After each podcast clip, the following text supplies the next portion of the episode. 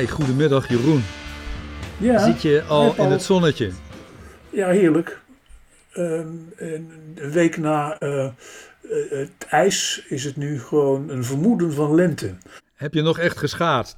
Ja, zeker. Ja. Ja, ik ook. Heerlijk hè? Op, op, op oude ijzers.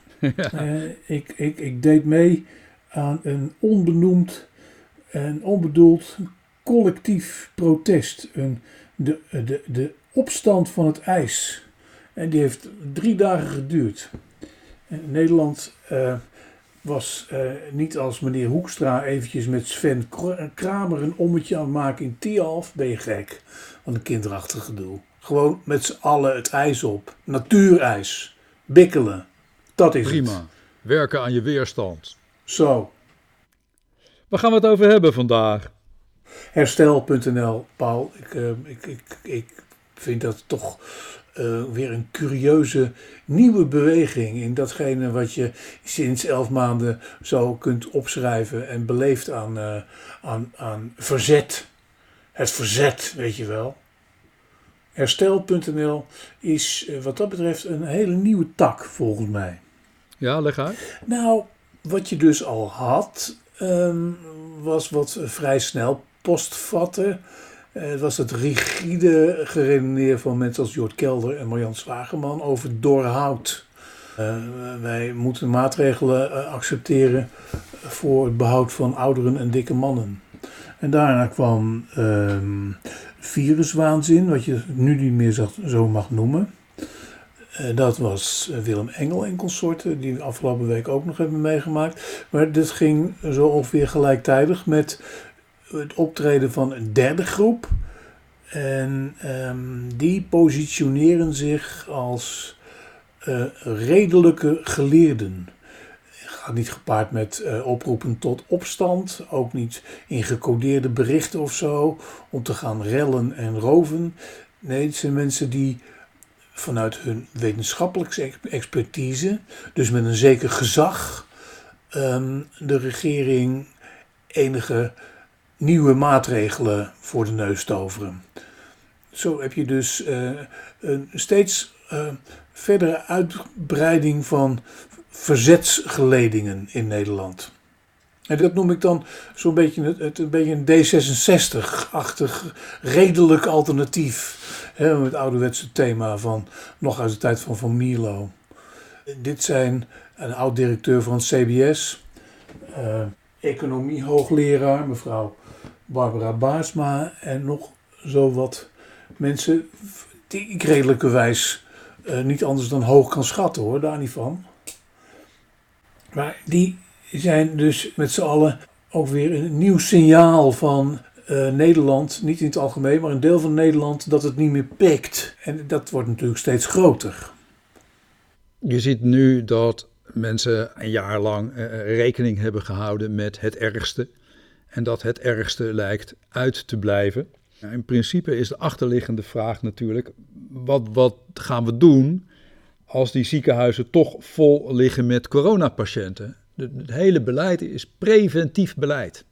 Je ziet dat ook bij herstel.nl. Die zegt de regering die baseert zich op aannames en niet op feiten. En het een en ander is onvoldoende onderbouwd. Maar kunnen we dat wel onderbouwen? Kunnen wij die pandemie voorspellen? Nou, kijk, je hoeft er niet, zoals Marjan Koopmans, helemaal voor naar China eh, op en neer te reizen. Om te ontdekken dat het misschien wat ouder was dan vorig jaar januari. Eh, om de balans op te maken van eh, de eerste elf maanden. Maar wat, er nu, wat je nu zo langzamerhand ook ziet, is dat mensen bij het bekijken van al die grafieken, in wat voor journaal of ehm, talkshow ook, steeds meer beginnen te wantrouwen.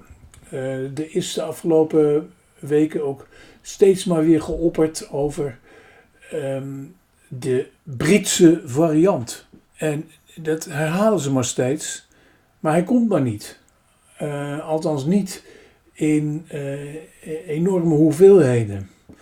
En dat voedt, over preventie gesproken, natuurlijk ook een toename van het wantrouwen van de mensen die zich afvragen, preventiemaatregelen waartegen dan? Nou hij komt niet. Dus hebben we het misschien goed gedaan in onze preventieve maatregelen. Het feit dat hij niet komt, is misschien het bewijs dat er juiste maatregelen zijn genomen. Ja, maar dat is, misschien is daar natuurlijk een belangrijk, Ja. eh, belangrijk woord in. Ja, maar dat blijft natuurlijk. Net zoals die avondklok.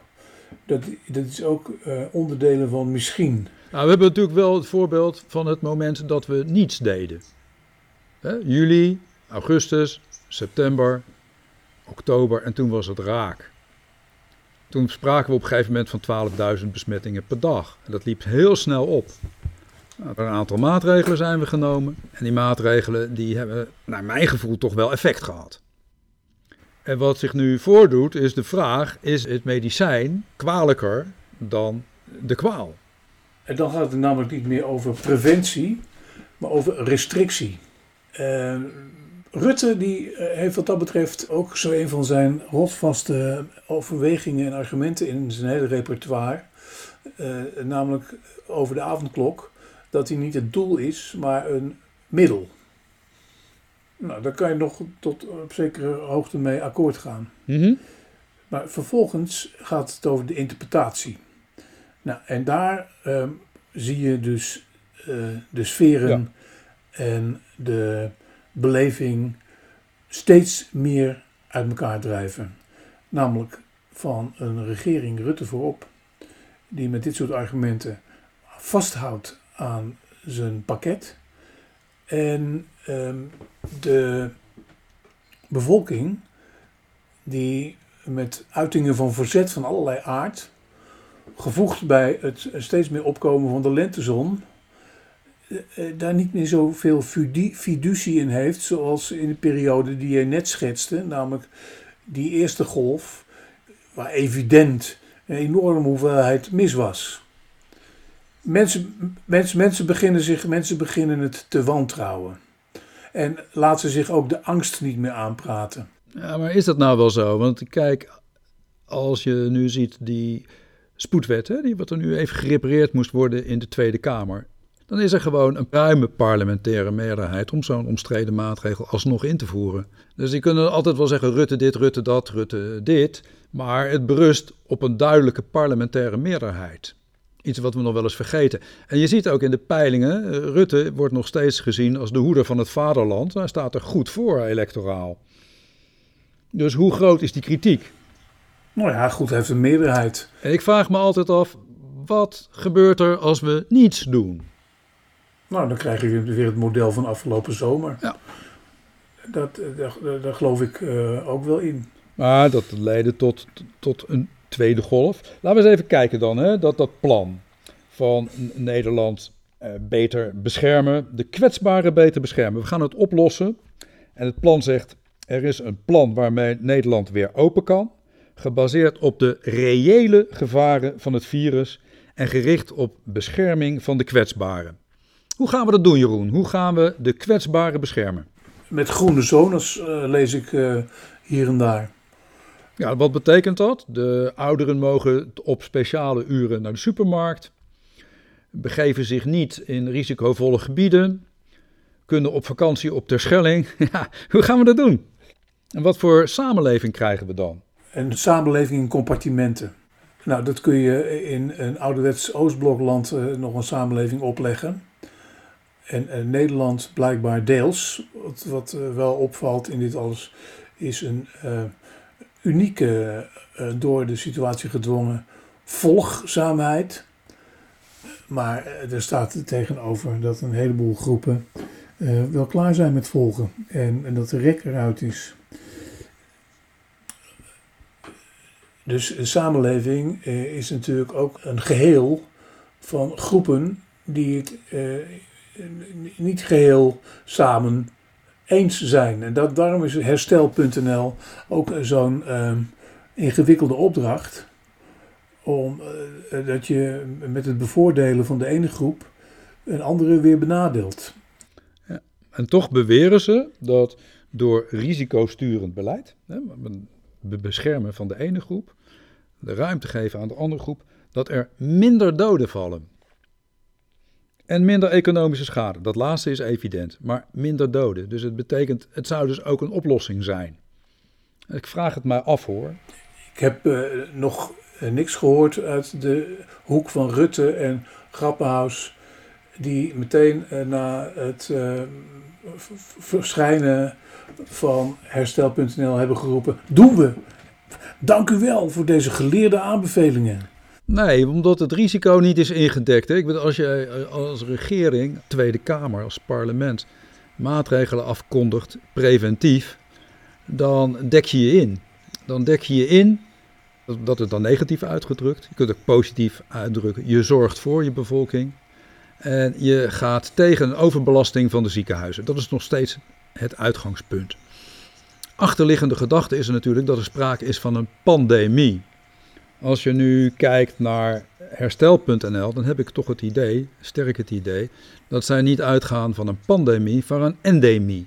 Iets wat blijft. Een ziekte zoals griep, die elk jaar gewoon terugkomt. De, en wat is dat? Het, de R is in de maand en we zijn aan de griep. En dat zie je ook met al die varianten. Is het beheersbaar? Nou, waarschijnlijk is het niet beheersbaar. En dan keer je terug naar het aller, allereerste begin. Uh, de eerste persconferentie van de regering, waarin er is gezegd: ja, we geven hier en daar wat ruimte. Waarom? We zetten een muurtje om de kwetsbaren heen door groepsimmuniteit aan te Dat is een aanname die elf maanden later uh, niet gestaafd wordt door de feiten. Behalve dat er een aantal mensen wel immuun zijn geworden. Maar nog niet zo uh, in, de, in, de, hoeveelheid die Rutte, uh, aangeblazen door de Van Dissels van deze wereld, veronderstelde. dan, er zijn dus twee oplossingen. Of je zegt het is een pandemie. En dat betekent dat als wij straks allemaal zijn gevaccineerd en we houden ons een tijdje aan die stringente maatregelen, dan is het probleem de wereld uit. Of het is een endemie. En dat betekent dat we te maken hebben met een probleem wat zich jaren zal uh, voortzetten en waarmee we moeten leren leven. En ik denk dat... dat we op dit moment met beide scenario's rekening moeten houden. En dat de regering alleen op scenario 1 zit. En als je kijkt naar het plan van de mensen die nu herstel.nl vertegenwoordigen, dat zij veel meer op dat tweede scenario zitten. En dan kun je je afvragen, dan gaan we dus in een gecompartimeerde samenleving leven met elkaar. En dat betekent dat we een andere vorm van een nieuw normaal krijgen. Gecompartimenteerde. Ge uh, dat, dat, uh, dat, dat, dat is te hopen.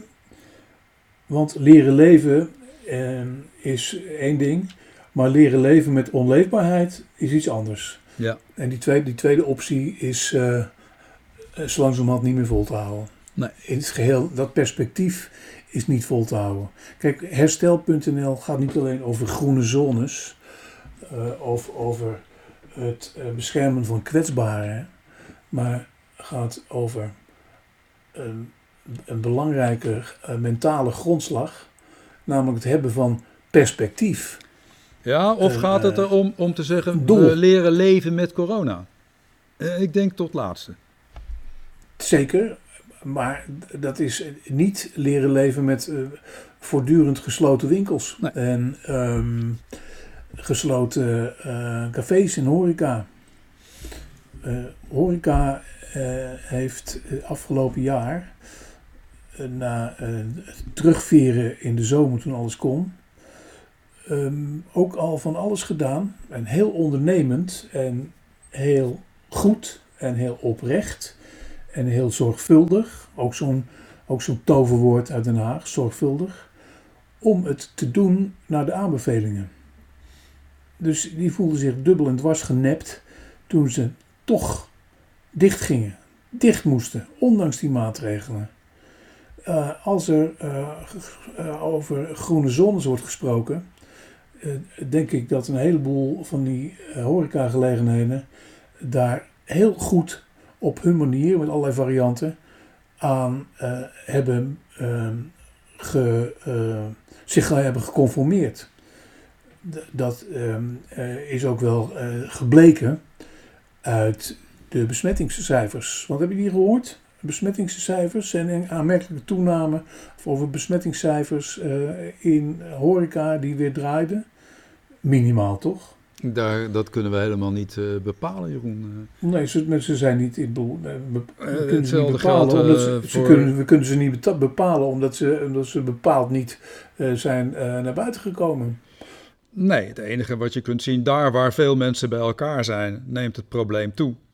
Als het gaat om winkels, dan zijn natuurlijk winkels waar af en toe eens iemand binnenkomt. Eh, zoals in, in, in, de, in de dorpen. Daar is het natuurlijk helemaal schrijnend, al die winkels die dicht zijn. Maar eh, we hebben ook de beelden gezien van de winkelstraten, waar massaal werd gewinkeld. En dat was het probleem. in ieder geval nam in die periode het aantal besmettingen toe. En wat je dus in dit plan ziet, is dat men zegt eigenlijk, het aantal besmettingen, dat zal wel toenemen, maar alleen onder de groep die daar nauwelijks of geen gevolgen van ondervindt.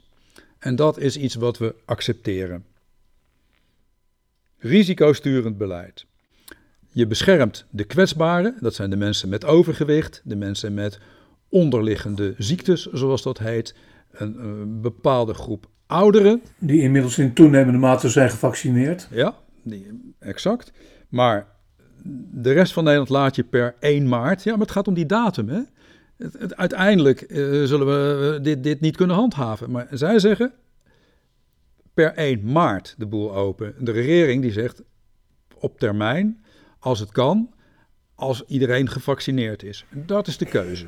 Ik denk aan, uh, door mijzelf uh, nooit zo ontzettend uh, ontfermde begrip rooster. Dat denk je aan school, maar denk je ook aan, aan werkschema's. Ehm, je gaat op een of andere manier toe naar zones of naar tijdvakken, naar meer stroomleiding in plaats van dat rigide vasthouden aan die algemeenheid van een avondklok. Uh, algemene gelijke monniken, gelijke kappen regime voor heel Nederland. Waar slaat het op? Uh, een avondklok in, een, in grote steden is nog tot daar aan toe. Maar waar is die voor nodig in Dedemsvaart of Meppel? Nou, laat ik wel wezen. Ik woon in een gemeente waar het aantal besmettingen een tijd heel hoog was. Uh, in, een, een, dorp als Haaksberg, hier, ook hier vlakbij. Dat was uh, code rood, Enschede code rood. Uh, delen van de Achterhoek code rood. Omdat mensen juist hier heel veel gemeenschappelijks hebben. Graag bij elkaar over de vloer komen, et cetera. Dan grijp je daarin. En aan de andere kant zie je ook... Dan grijp je daarin. Ook in Gelderland Midden en IJsselland dat daar op dit moment een, een hele gunstige situatie is aan het ontstaan. En dat ook vanuit de regering het signaal is afgegeven dat op het moment dat er binnen die regio's een, beleid gemaakt kan worden wat het aantal besmettingen in de hand kan houden, dat daar ook per regio versoepeld zal kunnen worden. Dus daar wordt wel nou, aan gedacht. Dat, is, dat uh, lijkt me ook wel heel aanbevelenswaardig om dat zo snel mogelijk te doen.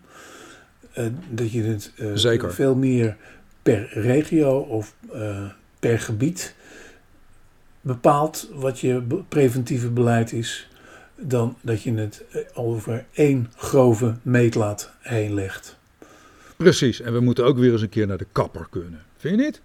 Uh, wat dat betreft uh, zie ik herstel.nl nu toch uh, voornamelijk als een beperking.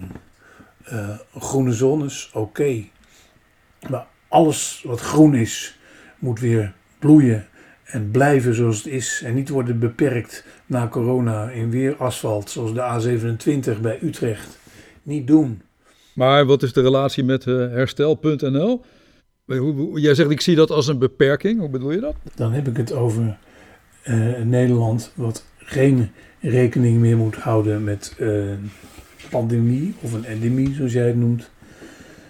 Maar dat gezond omgaat met zijn natuur. Nou, ik noem het niet een endemie. Ik, ik, ik vraag het me af. Hè?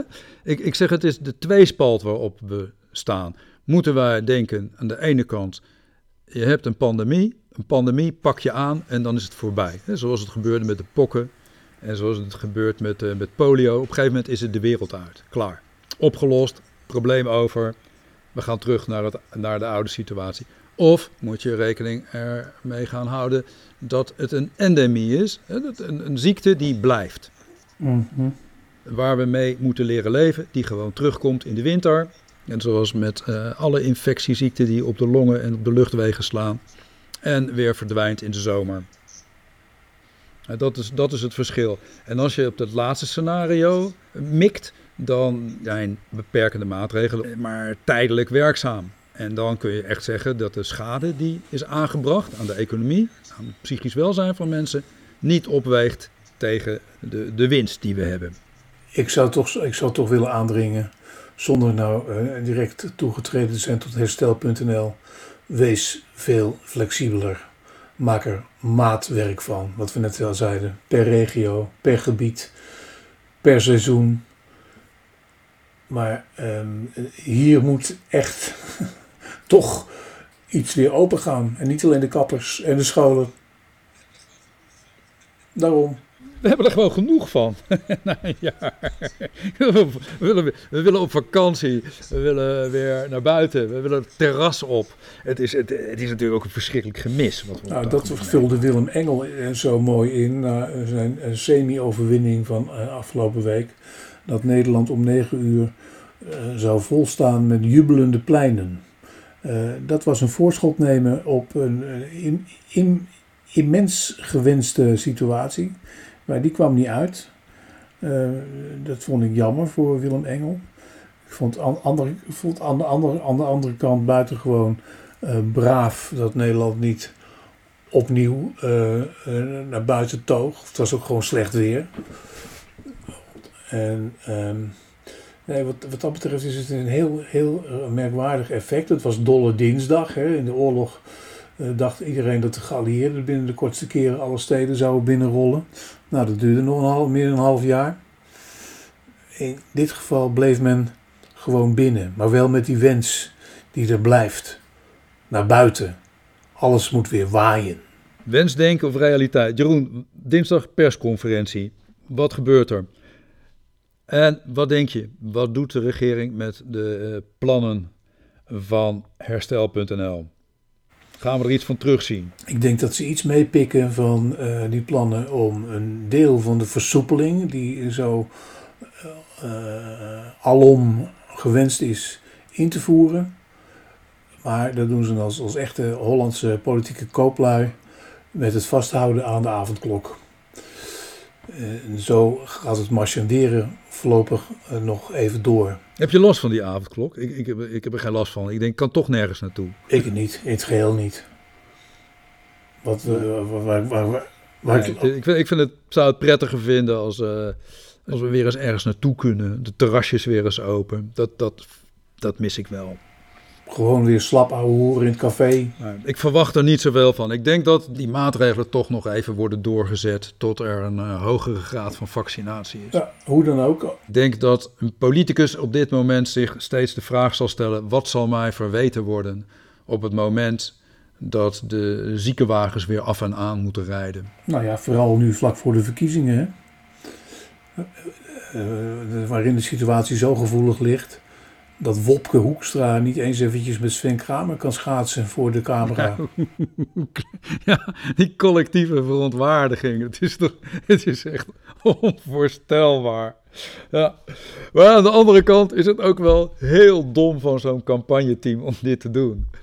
Je, je weet zo langzamerhand dat je dit soort uh, ellende over je heen krijgt. Er zit natuurlijk ook wel iets, iets in. Want we willen allemaal wel schaatsen op een kunstijsbaan. Maar ja, die is gesloten. Dat kan dus even niet. En ik denk dat je daar ja, als politicus ook wel een beetje rekening mee mag houden. Nou ja, het, het, het, het, stapelt zich op. Hè. Eh, af, afgelopen zomer had je uh, iedereen die het over een grapperenhuisje had. Uh, Hugo de Jonge is pier geworden. En nu hebben we Hoekstra weer. De enige die nog steeds uh, uh, enigszins ongeschonden uh, overeind blijft, is Rutte. Maar um, je ziet het aan, aan zijn gezicht. Aan de ene kant straalt hij diepe bezorgdheid uit, maar er zit ook een soort krampachtigheid in, zo langzamerhand. En daar, daarin heb ik, daarin, daarin, daarin heb ik ook wel met hem te doen hoor, zeg ik, zeg ik er gelijk bij. Want ik maak de vergelijking met de oorlog wordt uh, nogal vaak gemaakt. Die slaat nergens op. Uh, hadden we totaal andere maatregelen en preventie en repressie te maken. Over endemie gesproken, de vijand blijft onder ons. Dat denk ik ook. Ik denk dat we daar heel, heel langzaam rekening mee moeten gaan houden. we gaan, straks hebben nou al die varianten en er komt waarschijnlijk over drie weken het Giethorense variant komt daar nog bij. Nou, het schaatsweekend. ja, en uh, dan is weer de vraag, gaan de vaccins daarop werken, et cetera. Heb jij trouwens al een oproep gekregen voor een vaccin? Nee. Ik ook nog niet. We wachten rustig af. Maar ga je wel meteen daar naartoe? Ja hoor, kom op ja, de prik. Dat, is toch wel, dat geeft toch wel een veilig gevoel, denk ik. Dat lijkt me toch wel prettig. Maar ja, ik ben de afgelopen jaar ook herhaaldelijk getest. Uh, herhaaldelijk, tot twee keer toe. Tot twee keer negatief. En, uh, nou, dus dan twee keer een geweldige opluchting, of niet? Ja, zo is het. Een klein beetje vreugde. Van, goh, ik heb het niet. Zo is het. En uh, de zon van vandaag en de zon die komt is ook vreugde. Zeker. Want, punt, want we kunnen uh, in ieder geval niet meer schaatsen, maar we kunnen des te meer wandelen. En dan moeten we dat ook allemaal niet massaal doen. Nederland is groot genoeg. Ik zit hier met jou te praten in Zeeuws-Vlaanderen. En uh, ik kan gewoon de dijk op en ik kan het strand op zonder dat ik massa's tegenkom. Precies. Dus er is nog licht. Nou, vorige week stond ik op de schaats en ik denk dat ik morgen de kano pak. Het is hier uh, prachtig om te kanoën. Al die riviertjes die staan zeer, zeer hoog. Dus je kunt echt hier op uh, snelstromend water varen. Dat is altijd uh, zo één à twee dagen, drie dagen in het jaar dat dat kan. En dat is nu. Pas op voor kruiend ijs. ja, nee, dat is echt wel weg hoor. Het is heel hard gegaan. Hey Jeroen, we praten over een paar weken weer verder. Ja? Oké. Hoi. Hoi.